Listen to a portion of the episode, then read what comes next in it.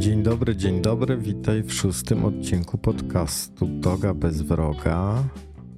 W tym tygodniu odcinek pod tytułem Prawnik, który ma dosyć.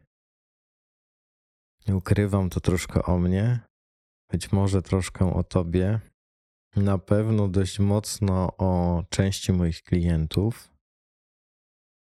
A tak naprawdę i na poważnie to myślę, że o każdym prawniku wcześniej czy później ponieważ w życiu każdego prawnika, w życiu zawodowym i tym samym prywatnym pojawia się taki moment, gdy pojawiają się wątpliwości. Stoisz wtedy na takim rozdrożu, gdzieś pośrodku niczego, niby widać jakieś drogi, ale w gruncie rzeczy jesteś w znieruchomieniu, nie wiesz gdzie iść, nie wiesz po co masz iść.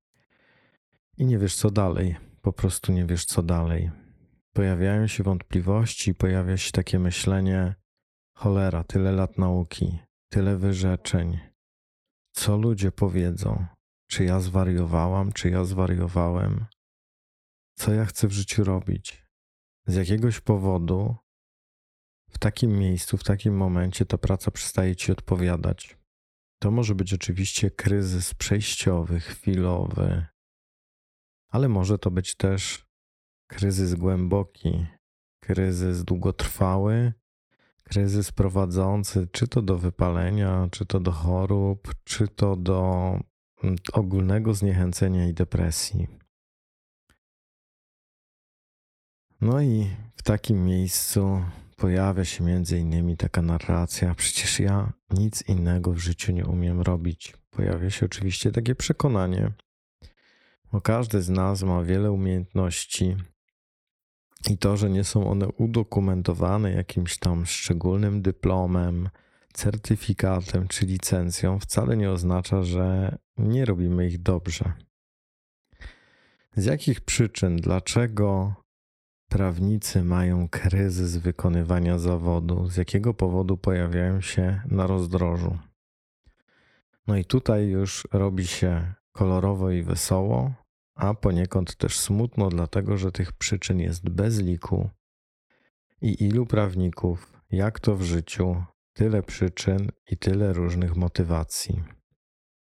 Jedni mają kryzys, bo nie odnoszą sukcesów. Są też tacy, uwierzcie, którzy mają kryzys, bo mają za dużo sukcesów. Ilość sukcesów już ich przytłacza, sprawia, że w zasadzie sukces już im nie smakuje i nie daje im tego na swój sposób narkotycznego haju, który odczuwali na samym początku, kiedy byli w takim trybie uczę się czegoś nowego, osiągam, zdobywam sukces i znowu od nowa coś nowego, osiągam, zdobywam sukces. Z czasem takie bieganie w takim trybie od sukcesu do sukcesu staje się rutyną, a gdy staje się rutyną, może stać się męczące i wyczerpujące, zwłaszcza gdy pod spodem, gdzieś tam głęboko w brzuchu albo w serduchu, nie ma pasji, nie ma misji, nie ma poczucia głębokiego powołania, nie ma tak zwanej głębokiej motywacji, o której opowiadałem w jednym z poprzednich odcinków. Kasa. Przyczyną bycia na rozdrożu i powiedzenia sobie mam dość może być kasa. Kasa oczywiście może być za mała, ale też może być za duża, ponieważ niektórym posiadanie dużej ilości forsy, mówiąc krótko, nie służy.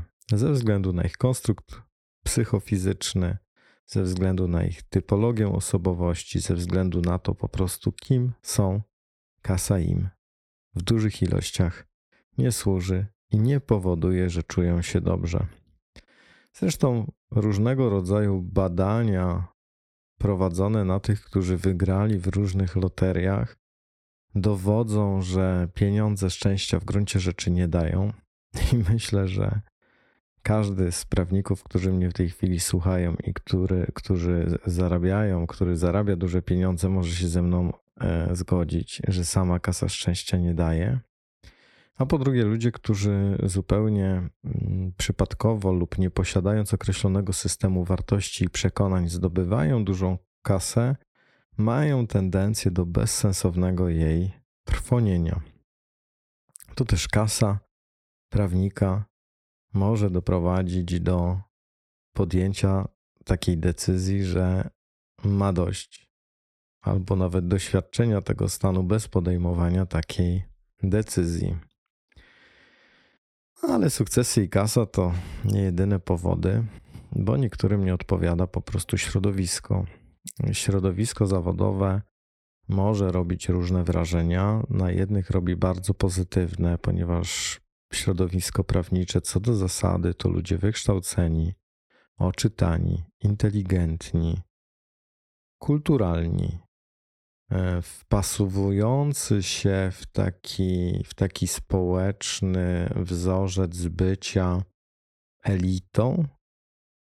To nie moje, natomiast tak sądzę, że tak to działa, że my prawnicy jesteśmy elitarni i ta elitarność y, jest wpisana po prostu w ten y, zawód, o czym też nas przecież przekonują nasze środowiska zawodowe, nasi nauczyciele w izbach y, i w samorządach zawodowych. Na różne sposoby wiemy, że jesteśmy elitarni. Ja byłem nazywany kwiatem tego narodu przez dziekana Wydziału Prawa i przez większość życia tak się czułem. Natomiast ta elitarność nie każdemu może odpowiadać. Są ludzie, którzy lubią być zwyczajni i typowi. Zwyczajni, typowi, na swój sposób przeciętni, i ten blichtr, ta tak zwana elitarność, to dotykanie czasem sławy, bo niektórzy z nas, nasi, koleż nasi koledzy, nasze koleżanki, dotykają za pośrednictwem tego zawodu sławy. Więc dla niektórych z nas to może być za dużo, nieciekawe, nieinteresujące, nieprzyjemne i wręcz odstręczające, odstraszające. Co jeszcze może być przyczyną powiedzenia sobie: Mam dość? No, na przykład to, że wymiar sprawiedliwości nie działa, albo słabo działa, albo nie działa tak, jakby się oczekiwało, żeby działał, ponieważ to, co dla jednego będzie oznaczało mm, no, wydolność wymiaru sprawiedliwości, dla innego będzie totalną porażką i masakrą. Więc być może jak KRS jednemu z nas zwraca niesłusznie wniosek o wpis, to ten ktoś yy, no, myśli sobie o nie, to już za dużo i mam dość, a ktoś inny no myśli sobie, no jest okej, okay, dobra, spuścimy to jeszcze raz i jakoś to będzie. Jedni wygrywają, inni przegrywają, ale wśród tych przegrywających też są tacy, którzy od ilości przegranych w pewnym momencie mają takie, taką narośl na psychice, która mówi tego już za dużo. O, jedna, o jedną przegraną za dużo, o jeden most za daleko. I przegrana czy przeżywanie przegranych może doprowadzić do chęci poddania się, chęci rezygnacji, poczucia takiego: jestem już przepalony tą robotą, jestem przepalona tą robotą, mam to po prostu już gdzieś. Wspólnik to dupek. Też się tak zdarza. Myślę, że wcale nie tak rzadko, że w pewnym momencie jeden ze wspólników na temat drugiego ze wspólników nabywa właśnie takie przekonanie, i to może zniechęcać nawet nie tyle do, do posiadania spółki i bycia w spółce, ale jeżeli tego typu rozczarowanie powtarza się już w trzeciej spółce albo w czwartej z rzędu wspólnocie biurowej, to może powstać poczucie takie, że nie, no ja w tej robocie fajnych ludzi nie spotkam i wolałbym już się z tego zawodu wypisać i poszukać czegoś innego. Możesz też przeżywać kryzys zawodowy związany z Twoim poziomem wrażliwości. Praca prawnika to często praca, w której spotykamy się z ludźmi, którzy za pomocą prawnika próbują coś dla siebie wykombinować. Czasem zdarzają się w naszej pracy lawiranci. Nawet zdarzają się ludzie, o których można by z całą stanowczością powiedzieć, że reprezentują ciemną stronę mocy, że są źli. No i jeżeli jesteś człowiekiem wrażliwym i jednocześnie w tej wrażliwości niezdolnym, nieumiejącym jasno wytyczyć swoich granic, nieumiejącym jasno powiedzieć nie, to może ta praca prowadzić do tego, że masz dość, że jest tego już za wiele. Z tym jest, jest też związane przeładowanie emocjonalne, ponieważ w tej pracy, przynajmniej prowadząc niektóre rodzaje spraw, jest się na bardzo dużych emocjach, może niekoniecznie własnych, ale w towarzystwie emocji innych, którzy mocno przeżywają swoje sprawy, czy to sprawy związane z rozstaniami na poziomie rodziny, czy na poziomie firmy, czy to z rozstaniami z pieniędzmi, których miało być więcej, a jest mniej, albo których było więcej, a ktoś je niesłusznie i niesprawiedliwie zabrał, i tak dalej, i tym podobne. Wrażliwość i emocje mogą sprawiać, że kontakt z drugim człowiekiem, który czuje się oszukany, rozczarowany, albo mocno kontrolujący i oczekujący od ciebie ponadprzeciętnych rezultatów i niemożliwego. Mm, więc kontakt z takim człowiekiem może doprowadzać cię po prostu do trudnych miejsc w sobie, do trudnych e, samopoczuć i do trudnych wrażeń związanych z codziennym wykonywaniem pracy. Tutaj też w grę może wchodzić to, że traktujesz swoje sprawy bardzo, bardzo osobiście że sprawy klientów, interesy klientów traktujesz jak własne sprawy i angażujesz się, jakby to były Twoje sprawy, jakby to były Twoje pieniądze, Twoje nieruchomości, Twoje dzieci, Twoje firmy. I skutkiem tego każdy gest klienta świadczący o niezadowoleniu, każda przegrana, każda mini przegrana, czyli jakaś przegrana w toku procesu, która nie jest przegraną e, w meritum sprawy, mogą cię wówczas wytrącać z równowagi, z poczucia komfortu, z poczucia stabilności, z dobrego samopoczucia w pracy. No i te czynniki, których jest bez liku, naprawdę bez liku, oczywiście one mogą prowadzić do różnych zmian somatycznych, do somatyzowania naszego ciała i do mm, tego, że nasza psychosomatyka się odzywa. No i oczywiście może spadać poziom kortyzolu, może temu towarzyszyć wyczerpanie, wyczerpane nadnercza, obniżenie jakości samopoczucia, a zaraz za nim obniżenie ogólnego stanu zdrowia, Mogą napieprzać nerki, może napieprzać wątroba, choć ta z natury rzeczy nie boli. Mogą też dawać w kość płuca. A to dlatego, że w momencie, w którym przeżywamy kryzys, nie wyciągamy określonych wniosków, nie podejmujemy określonych działań, albo naprawczych, albo radykalnych, nasze ciało nie pozostaje bez odpowiedzi Jesteśmy ciało umysłami. Nasz umysł jest ściśle połączony z naszym ciałem, a ciało z umysłem.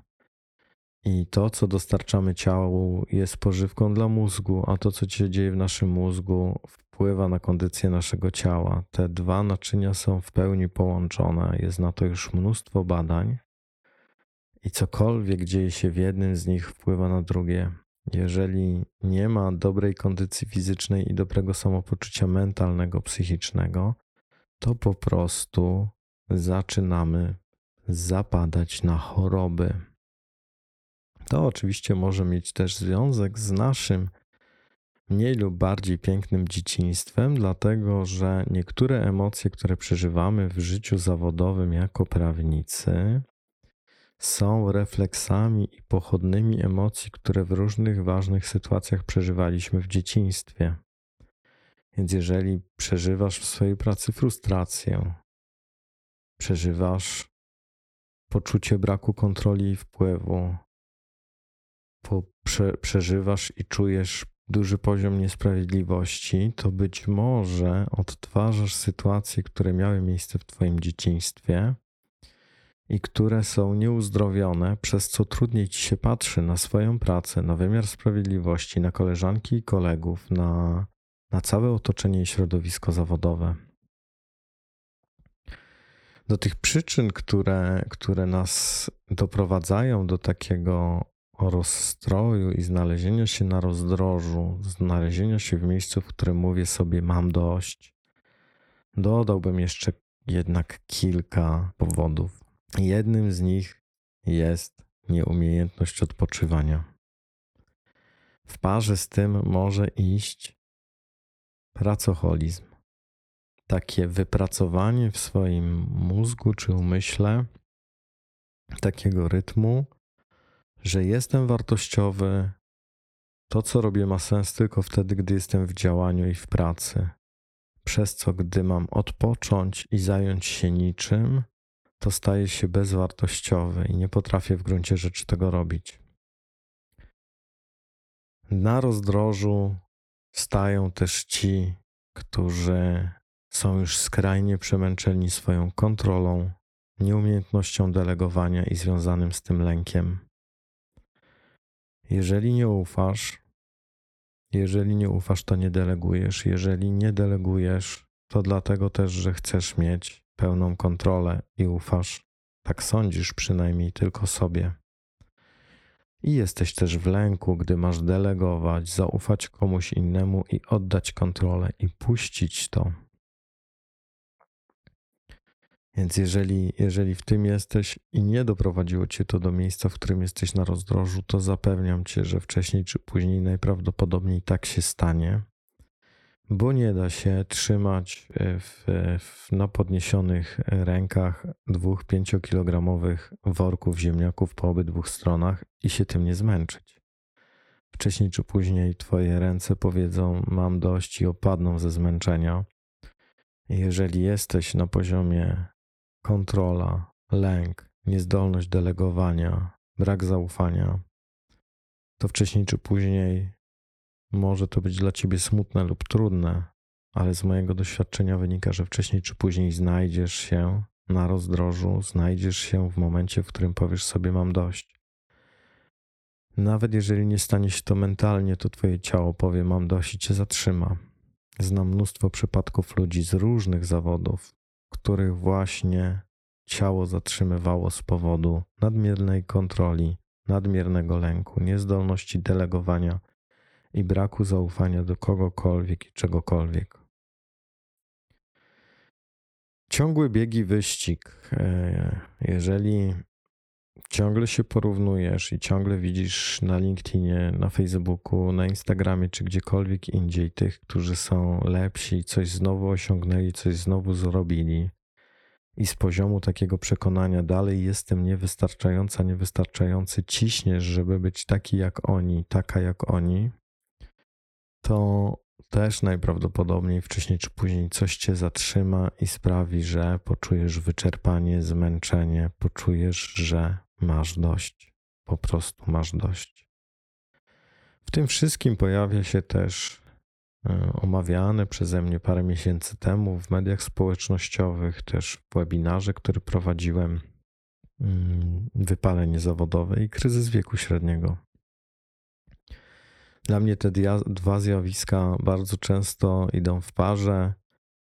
Mm, nie znalazłem nigdzie jednoznacznych badań na to, że występują w parze, natomiast często i gęsto jest tak, opisuje to też w pewien sposób Nowak w książce Adwokaci zraniony zapał. Często i gęsto jest tak, że gdy człowiek wchodzi w okres, który jest typowy dla, dla kryzysu wieku średniego, czyli między 35 a 45 rokiem życia, to jednocześnie dopada go wypalenie zawodowe, ponieważ właśnie wtedy czas trzymania dwóch pięciokilogramowych worków ziemniaków w powietrzu za pomocą rąk już jest tak długi, że ręce mówią dość, ciało mówi dość, a psychika mówi oh no, czas regeneracji, czas popaść w głęboki kryzys. Jest też tak, że, że niektórzy z nas chodzą do tej roboty już któryś rok, 5, 10, 15, 18 albo 25 i mają poczucie pustki. Poczucie pustki, że to, co robią, jest puste, że ten wymiar sprawiedliwości jest pusty, albo że to środowisko jest puste i tak dalej. Pustka, zblazowanie, bodlerowski splin i związany z nimi kryzys egzystencjalny i kryzys tego, czy moje życie w ogóle ma sens. Po drugiej stronie tego medalu niejako może być też, też poczucie nienasycenia mm, albo poczucie nasycenia. Jedni są przesyceni, inni są nienasyceni. Myślę, że często mamy tak, że gdzie byśmy nie byli, to i tak nam czegoś brakuje. Z natury nam czegoś brakuje, dlatego że sięgamy myślą w przyszłość i w to, co mamy jeszcze do zrobienia, zamiast być w teraźniejszości i widzieć to, co już mamy i to, co już osiągnęliśmy. Ten, ta natura ludzkiego umysłu, też to, jak jest on programowany przez właśnie media, przez kulturę, przez, e, przez różne społeczności, sprawia, że my nigdy, prawie nigdy nie żyjemy w teraźniejszości, tylko zawsze jesteśmy myślami i w gonitwie do, do tego, co ma się wydarzyć w przyszłości. Gonimy za, za króliczkiem mm, i cały czas próbujemy go złapać, często nie mając po prostu świadomości, że my już dawno tego króliczka mamy. I nie musimy za bardzo nic robić, żeby tego króliczka po prostu mieć. Więc nienasycenie, nasycenie, pustka albo przepełnienie. Mm, dwie strony tego, tego samego medalu i tej samej monety mogą doprowadzić do tego, że prawnik jest na rozdrożu. Mówi sobie: Mam dość, mam tego cholera wszystkiego podziurki w nosie. Niektórzy cierpią i mają dość, bo ciągle są u kogoś. Nie mają takiej odwagi, żeby się wyrwać, żeby stworzyć swój własny ekosystem, swoje własne środowisko i otoczenie. Pracować według własnej wizji, własnych przekonań, z własnymi wartościami. Mm, inni cierpią, ponieważ są ciągle sami i robią wszystko sami i wierzą, że tylko samemu mogą osiągnąć sukces. Nie potrafią łączyć się nie potrafią przyłączać się do innych, nie potrafią tworzyć sojuszy, porozumień, tworzyć wspólnot, dzielić się wiedzą, dzielić się zasobami, ale też otrzymywać wsparcie i pomoc, zasoby od innych. No i zbliżając się do końca przyczyn, bo za chwilę będzie o tym, jak z tego można wyjść, to jeszcze trzy różne powody bycia w kryzysie, w powiedzeniu sobie mam dość, w takim stanięciu na rozdrożu, czy ja dalej chcę, a jeśli nie, to czego chcę.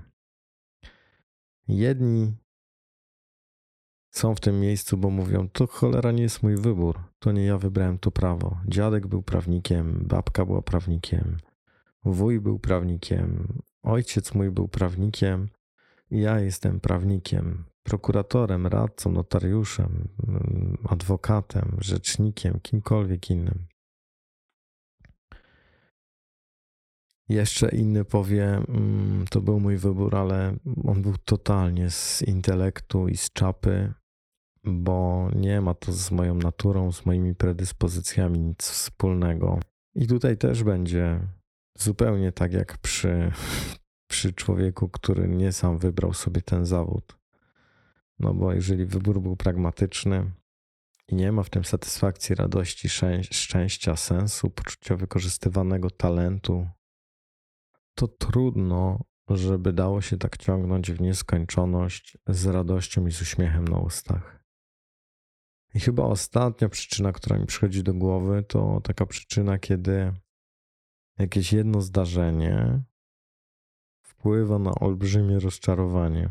No i to mogą być, tak jak wspomniałem, przegrane, jakaś e, sytuacja ze wspólnikiem, jakaś nietrafiona inwestycja, jakaś, jakaś spaprana umowa, albo jeden o jeden niezadowolony klient za dużo.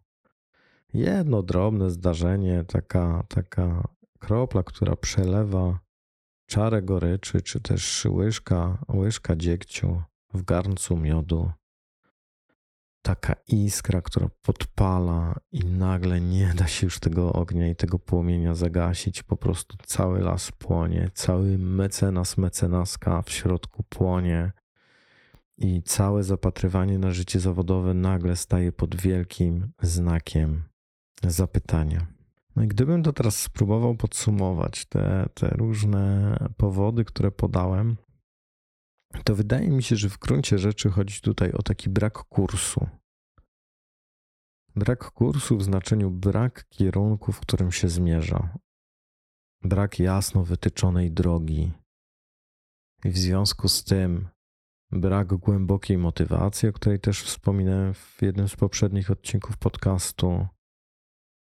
Brak zdefiniowania ważnych obszarów w swoim życiu. Czyli marazm. Marazm, brak jednoznaczności, brak ukierunkowania, brak jasno wytyczonych celów, brak świadomości potrzeb i efektów, jakie chce się uzyskać. No i gdy tego nie ma, to nie ma odpowiedzi na pytanie, kim jestem, kim jestem jako prawnik, czego chcę, jak chcę żyć, jak chcę pracować, co chcę robić, jak chcę uczynić z pracy prawnika satysfakcjonujące zajęcie, w którym jest więcej przyjemności niż tyrki, i tak dalej, i tym podobne, etc.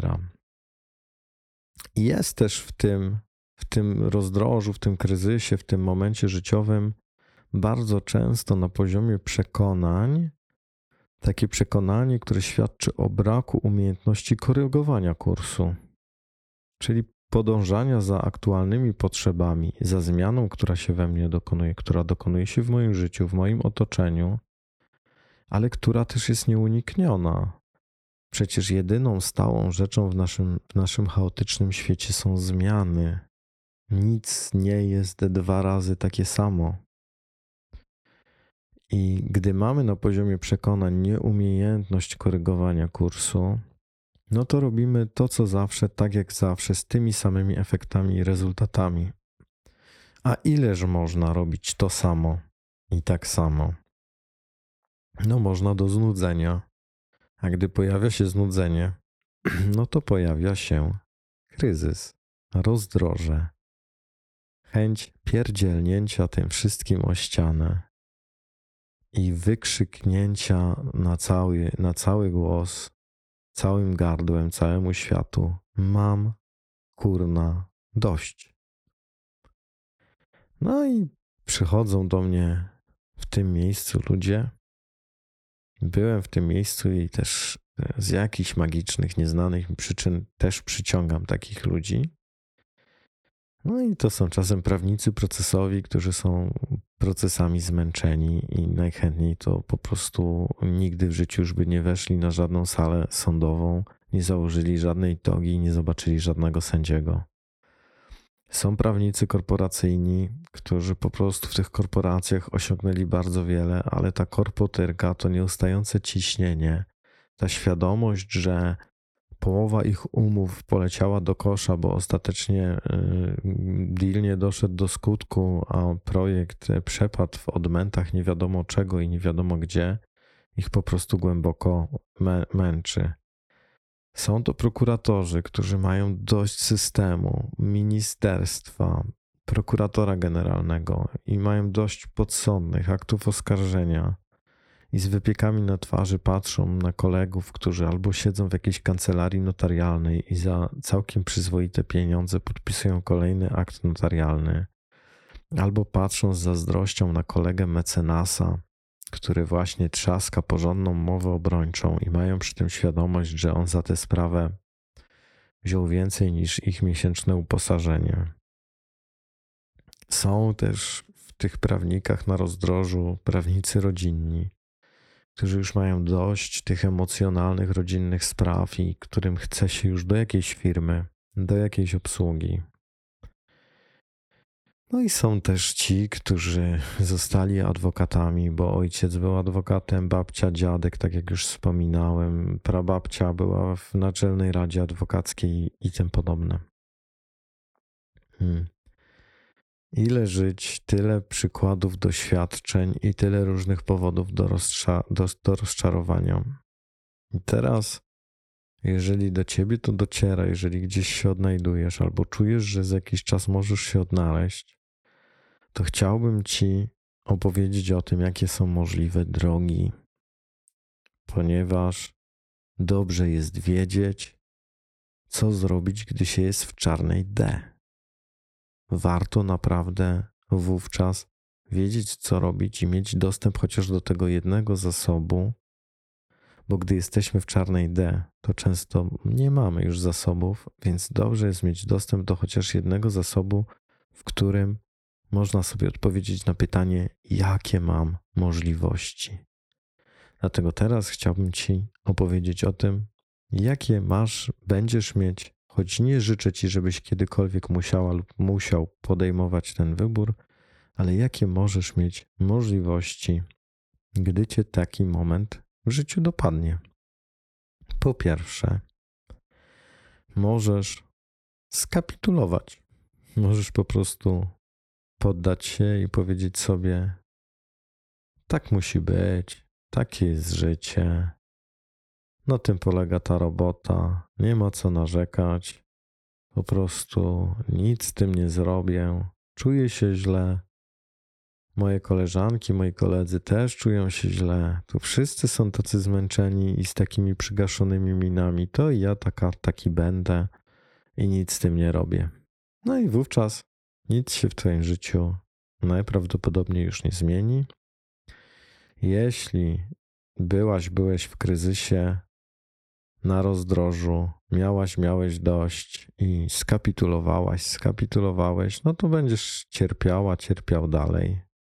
Cierpiałaś i będziesz cierpieć, chyba że przeczekasz, przywykniesz i z jakiegoś powodu stanie się tak, że to przeminie. Kryzys przeminie, ból przeminie i wrócisz do siebie i do takiej naturalnej płynności i radości w wykonywaniu tej pracy.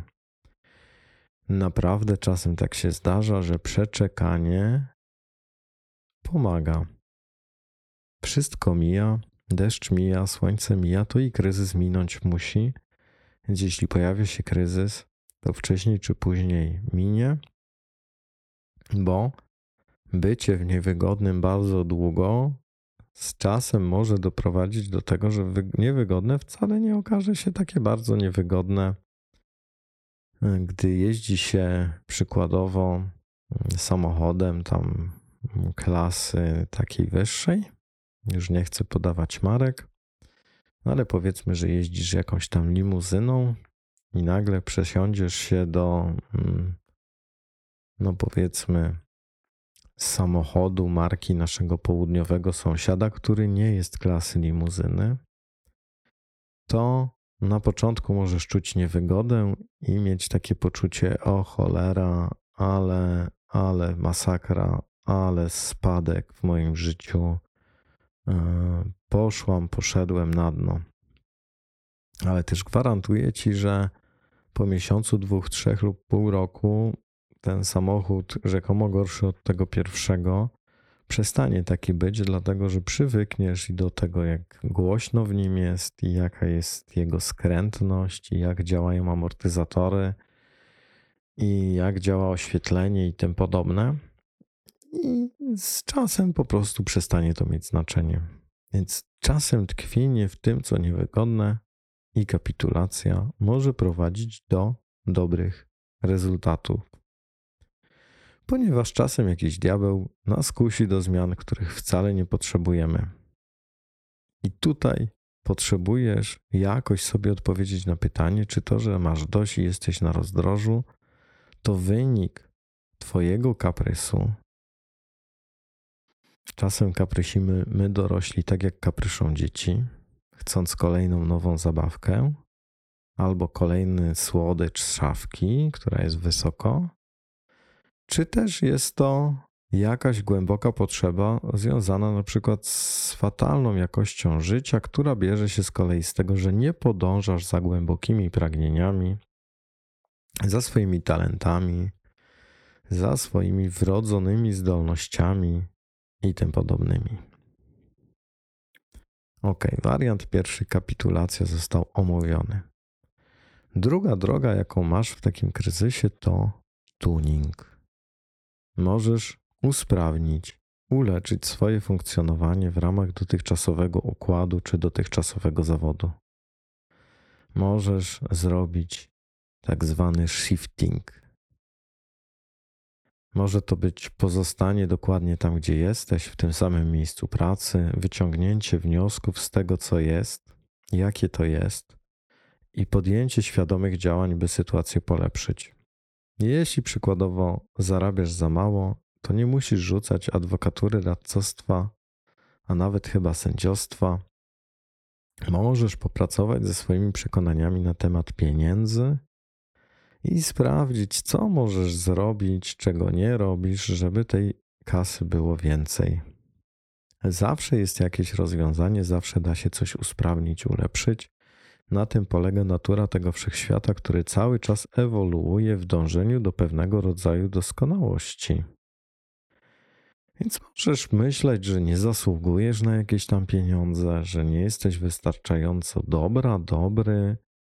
I być może, gdy zmienisz swoje przekonania, popracujesz nad nimi, dokonasz tuningu, aktualizacji swojego systemu operacyjnego, czyli sieci połączeń neuronalnych w Twoim mózgu, to stanie się cud. I to może być kwestia właśnie kasy, kwestia wyceniania spraw, kwestia wyceniania oczywiście siebie, poczucia własnej wartości. Może być tak, że w ramach takiego tuningu potrzebujesz know-how innych osób, bo nie wiem, nie rozliczasz w kancelarii tego, co należy rozliczać, nie wyznaczasz wspólnikowi granic i nie, nie dbasz o siebie, bo pozwalasz się nadużywać i tym podobne. To może być też Twoje podejście do relacji z drugim człowiekiem, do bliskości, do relacji z innymi ludźmi, nawet do spraw rodzinnych, ponieważ kancelaria jest na swój sposób komórką podobną do rodziny i może wywoływać w tobie różne reakcje, które są dla ciebie typowe w relacjach rodzinnych. Czyli tuning usprawnienie, ulepszenie, skorzystanie z kogoś, kto wie, zmiana przekonań, poszerzenie swoich horyzontów i wyjście z tunelu, w którym w kryzysie się jest, czyli wychodzimy z czarnego tunelu. Tu mi się, tu mi się przypomina taki mem, gdzie u psychoterapeuty siedzi klient czy też pacjent Pacjent mówi, że jest w czarnej D, a terapeuta odpowiada, że z punktu widzenia anatomii to nie jest takie złe miejsce, ponieważ jest z niego jakieś wyjście. I to jest o tym. Potrzebujesz wówczas za pomocą siebie, swoich zasobów, ale też wsparcia i pomocy innych ludzi dokonać aktualizacji i wyjść z tej czarnej D. Opcja trzecia. Zmiana w ramach zawodu. No i to jest droga piękna, dlatego że wyciąga człowieka do innego doświadczenia niż to, w którym zwykle jest i wyrusza na szerokie wody. Jak to śpiewa mój ulubiony polski piosenkarz. I warto siebie na takie szerokie wody zabrać po to, żeby, jak śpiewa ten piosenkarz, uleczyć ranę. No i teraz, jeżeli siedzisz w kancelarii byłego patrona, mm, to z mojego doświadczenia zaczyna wynikać, że często takie długie uwiązanie się z patronem może być związane z relacją z jednym z rodziców. Jeżeli zdecydujesz się na wyjście, to dokonujesz zmiany w ramach istniejącego układu, w ramach istniejącego zawodu, ale jednak wychodzisz do czegoś nowego. Więc możesz wyjść z kancelarii patrona, żeby założyć swoją. Możesz wyjść z kancelarii patrona, żeby pójść do korpo jako in-house albo założyć spółkę. I oczywiście może być odwrotnie. Możesz być w korpo i wyjść z korpo, bo masz już dość korpo, żeby otworzyć własną kancelarię, albo żeby stworzyć startup prawniczy, albo żeby znaleźć właściwych ludzi i założyć jakąś dobrą, fajną, butikową spółkę czy butikową wspólnotę biurową pod jednym szyldem. I lubię ten moment w życiu prawników, ponieważ to jest miejsce przejścia z jednej rzeczywistości do drugiej, i tu jest dużo, dużo do zdefiniowania na poziomie potrzeb, celów, efektów, sposobu działania, wyobrażeniami, fantazjami, co mogę mieć, a czego nie, nie mogę mieć. Pojawia się praca z przekonaniami i pojawia się możliwość dojścia do takiego sedna. Kim jesteś, czego chcesz, czego potrzebujesz, jak chcesz, żeby ten zawód wyglądał. Wczoraj miałem okazję z żoną gościć mm, przyszłego e, sędziego, a w tej chwili referendarza sądowego i sędziego komisarza. I on też jest w takiej potrzebie reformowania wymiaru sprawiedliwości, co mi się bardzo spodobało i co mnie bardzo ucieszyło, bo, bo takich osób w środowisku sędziowskim jak najbardziej potrzebujemy. I to jest człowiek, który ma zdefiniowane pewne wizje, fantazje, marzenia, plany i wyobrażenie tego, jak wymiar sprawiedliwości mógłby działać. Gdy wiesz, czego chcesz, wiesz, dokąd zmierzasz, a gdy wiesz, dokąd zmierzasz, sięgasz po to, czego potrzebujesz. Z tego powodu tak ważne jest definiowanie wszystkich ważnych obszarów w swoim życiu i prywatnym, i zawodowym. Tak jak wybierasz dom i samochód, tak potrzebujesz w kancelarii dokonać wyboru, czy w pracy zawodowej prawnika dokonać wyboru poszczególnych obszarów po to, żeby Twoje życie było Twoje, a nie było dziełem przypadku. To już omówiłem trzy, trzy drogi. Jedna to kapitulacja, druga to tuning, trzecia to zmiana w ramach zawodu. Czwarta droga to pomoc do nowej rzeczywistości. To jest droga mi najbliższa, dlatego że ja, będąc adwokatem i prowadząc kancelarię, zacząłem uczyć się coachingu i zacząłem pracować z ludźmi jako coach, później jako mentor i tak dalej. I pomoc do nowej rzeczywistości czasem jest potrzebny, dlatego że możemy nie mieć kasy, żeby od razu przejść do nowego zawodu czy do nowej profesji. Możemy też nie mieć wystarczających umiejętności albo wystarczającej mm, liczby klientów. Nie, nie, możemy nie mieć zbudowanej klienteli, czy nawet lepiej społeczności ludzi wokół nas, których interesuje to, co robimy. I w takich sytuacjach dobrze jest łapać dwie sroki za jeden ogon, jak to się mawia, i mieć stare zmierzać do nowego, ale starego jeszcze nie porzucać. Można w takim układzie zarabiać w pracy prawniczej. Tam się oczywiście możesz być może dalej męczyć, ale jednocześnie możesz testować nowe i sprawdzać. Możesz się mylić, próbować różnych rzeczy, sprawdzać.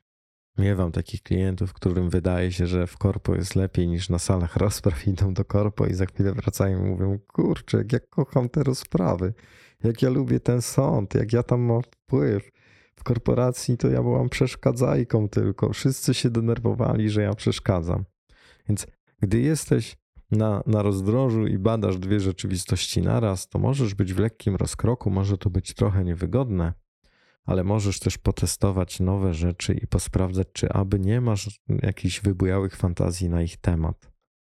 Mój mistrz, mój, mój, mój mistrz, mój nauczyciel, mój mentor mawiał: Adam, nie musisz kupować browaru, żeby napić się piwa.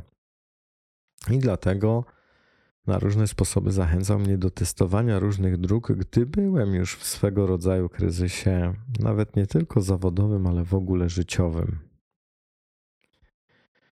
No i ostatnia opcja, gdy jesteś w kryzysie, to zmiana radykalna. to jest tak zwane odcięcie gruba kreska. To są takie osoby, które podejmują decyzję: nie, nie, żadnego badania, żadnego szukania, żadnego sprawdzania. Nie wiem, co by to miało być i co będę robić, natomiast ani dnia dłużej w tej robocie już nie wytrzymam, kończę z tym. I tak robią, rzucają z dnia na dzień. Oczywiście warto w takich sytuacjach zadbać o ekologię i sprawdzić, czy mnie na to stać. Czy ja sobie poradzę, czy mam zapewnione zasoby finansowe, niefinansowe, materialne, niematerialne do tego, żeby jakiś czas przetrwać mm, i funkcjonować bez roboty, bez pracy. Warto też oczywiście zabezpieczyć dotychczasowe sprawy klientów, y, dogadać się z samorządem, jeżeli w jakimś się funkcjonuje i poinformować i porobić formalności, no żeby to było jednak z poziomu dorosłego człowieka, a nie dziecka zniechęconego y, za zabawką. Warto też w takich sytuacjach, zresztą w każdej chyba z tych opcji, warto sprawdzić, czy czasem nie uciekasz, nie uciekasz przed czymś, a w gruncie rzeczy przed sobą bo możemy zmieniać miejsca, zawody, środowisko, otoczenie, ale też często jest tak, że te same problemy wracają i pojawiają się na nowo, niekiedy ze zdwojoną, a nawet ze, ze strojoną siłą. I wówczas warto spojrzeć w lustro i zapytać się, czy to czasem nie chodzi, nie chodzi o mnie. Jeżeli masz zaplecze, masz środki, masz zasoby, masz konsensus wśród najbliższych, na których Twoja decyzja wpłynie na to, żeby skończyć z czymś z dnia na dzień, to czasem warto to zrobić. To może być czasochłonna droga, to może być mm, wyczerpująca droga, pełna pustki, pełna niepokoju, ale też powiem, że z mojego doświadczenia, ale też z literatury, którą czytam na te tematy, wynika, że Często w takich radykalnych decyzjach i w takim wyrzuceniu się na głębokie, puste morze albo na 40 dni pustyni przychodzą ważne odpowiedzi. Ważne odpowiedzi często też nas taki stan zaprasza do załatwienia tematów wewnętrznych, które są niezałatwione. Jest to droga niewątpliwie najtrudniejsza, najbardziej ryzykowna. Ja w pracy najbardziej przed nią ostrzegam i też rzadko ktoś przychodzi, żeby być na takim poziomie zdecydowania i chęci radykalnej zmiany. To też e, ani nie, nie, chcę, nie chcę Was dzisiaj w tym podcaście do tej drogi zachęcać, ani Was szczególnie zniechęcać.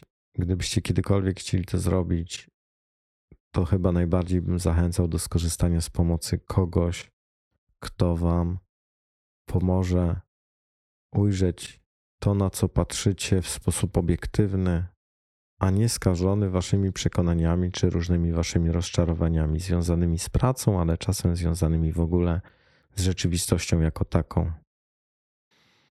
To dla odważnych, ale też to potrzebuje być odwaga świadoma, a nie nieświadoma. Nieświadoma odwaga może nas prowadzić naprawdę w bardzo niebezpieczne rejony a pamiętajmy, że rzadko jesteśmy samotnymi wyspami i czasem potrzebujemy, a nawet często potrzebujemy uwzględnić nasze najbliższe otoczenie. Która z tych dróg jest dla ciebie? Jeśli już pojawi się w tobie ten kryzys, to mam dość, to rozdroże i chciałabyś, chciałbyś sprawdzić, która z tych dróg jest dla ciebie, to chyba dobrze by było, jakbyś sobie na osobnych kartkach A4 wypisała, wypisał poszczególne warianty, o których powiedziałem, a przy nich plusy i minusy tych rozwiązań. Zobacz, co jest plusem i minusem zostania tam, gdzie jesteś, czyli kapitulacji, jak to nazwałem, być może niesłusznie.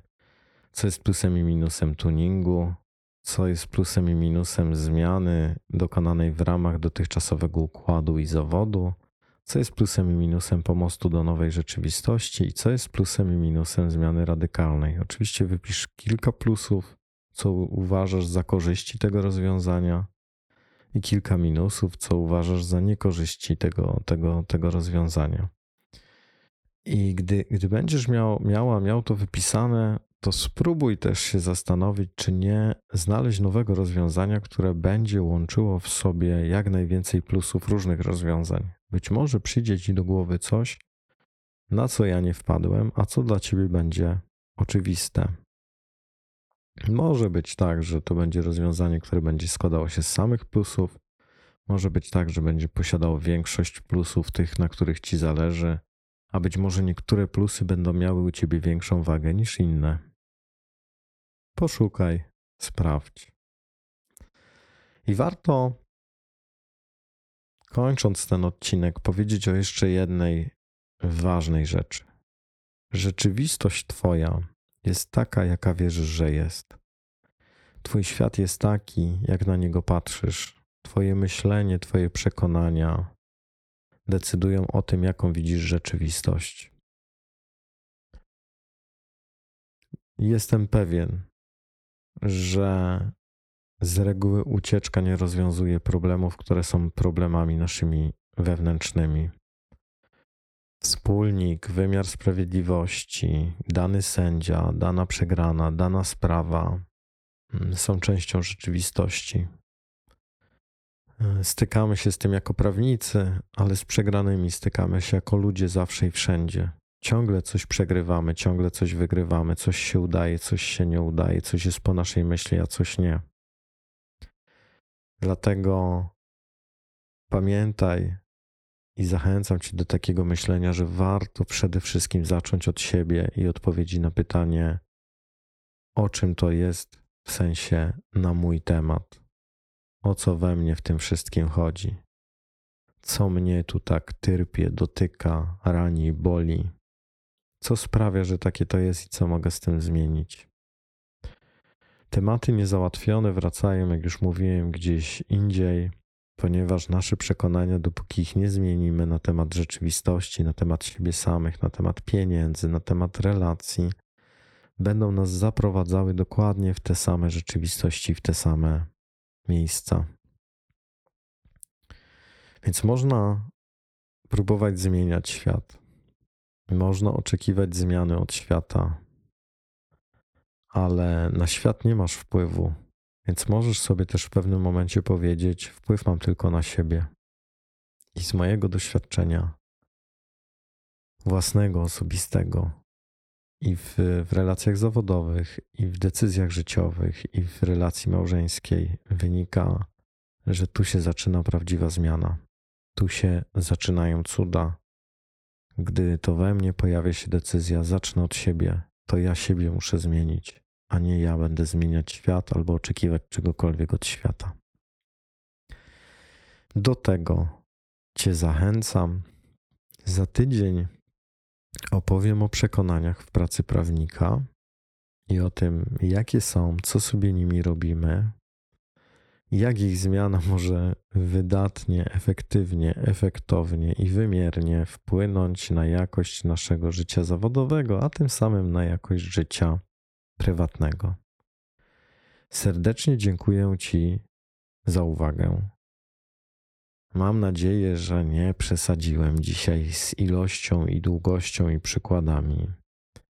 Zapraszam Cię do masterminda, który się będzie odbywał na żywo dla prawników e, z Warszawy i nie tylko z Warszawy, natomiast będzie się odbywał w Warszawie. Jeżeli masz chęć, chcesz zgłosić swój udział, na razie przyjmuję zapisy, chcę sprawdzić, ile jest osób, żeby określić warunki, na jakich możemy się spotykać i gdzie. To napisz do mnie na kontakt małpa.togabezwroga.pl lub zapisz się przez formularz na stronie togabezwroga.pl ukośnik mastermind. Tam też na tej stronie, do której lektury Cię zachęcam, jest newsletter, więc jeżeli chcesz na bieżąco być informowana, informowany o moich aktywnościach i działaniach związanych z Tobą bez wroga, to zapraszam do tego newslettera. Bardzo, bardzo proszę o recenzję podcastów Apple Podcasts albo oznaczenie gwiazdką podcastów e, Spotify. Serdecznie, z całego serca dziękuję za liczne recenzje, które otrzymałem głównie po ostatnim odcinku podcastu. i za mnóstwo wsparcia, które mi przekazaliśmy, ponieważ jestem absolutnie przekonany i byłem i jestem jeszcze bardziej, że warto w cztery oczy mówić wprost rzeczy, które w naszym środowisku są trudne, ponieważ to środowisko wymaga gruntownych reform, gruntownej zmiany. I ta zmiana zaczyna się od naszego sposobu myślenia i manifestowania naszych myśli na zewnątrz. To też dziękuję i, i tym bardziej jestem w sile i w mocy, by robić dalej to, co robię. No i jak zawsze zachęcam, odpocznij. Po prostu odpocznij, daj sobie na luz, odpuść. Naprawdę możesz zrobić troszkę mniej albo troszkę więcej mniej i też da radę. Znajdź czas dla siebie, dla swoich potrzeb, dla swojego relaksu. Zrób coś, żeby się też zatrzymać. Po prostu odpocznij. Dziękuję za uwagę i do usłyszenia za 7, a może 8 dni.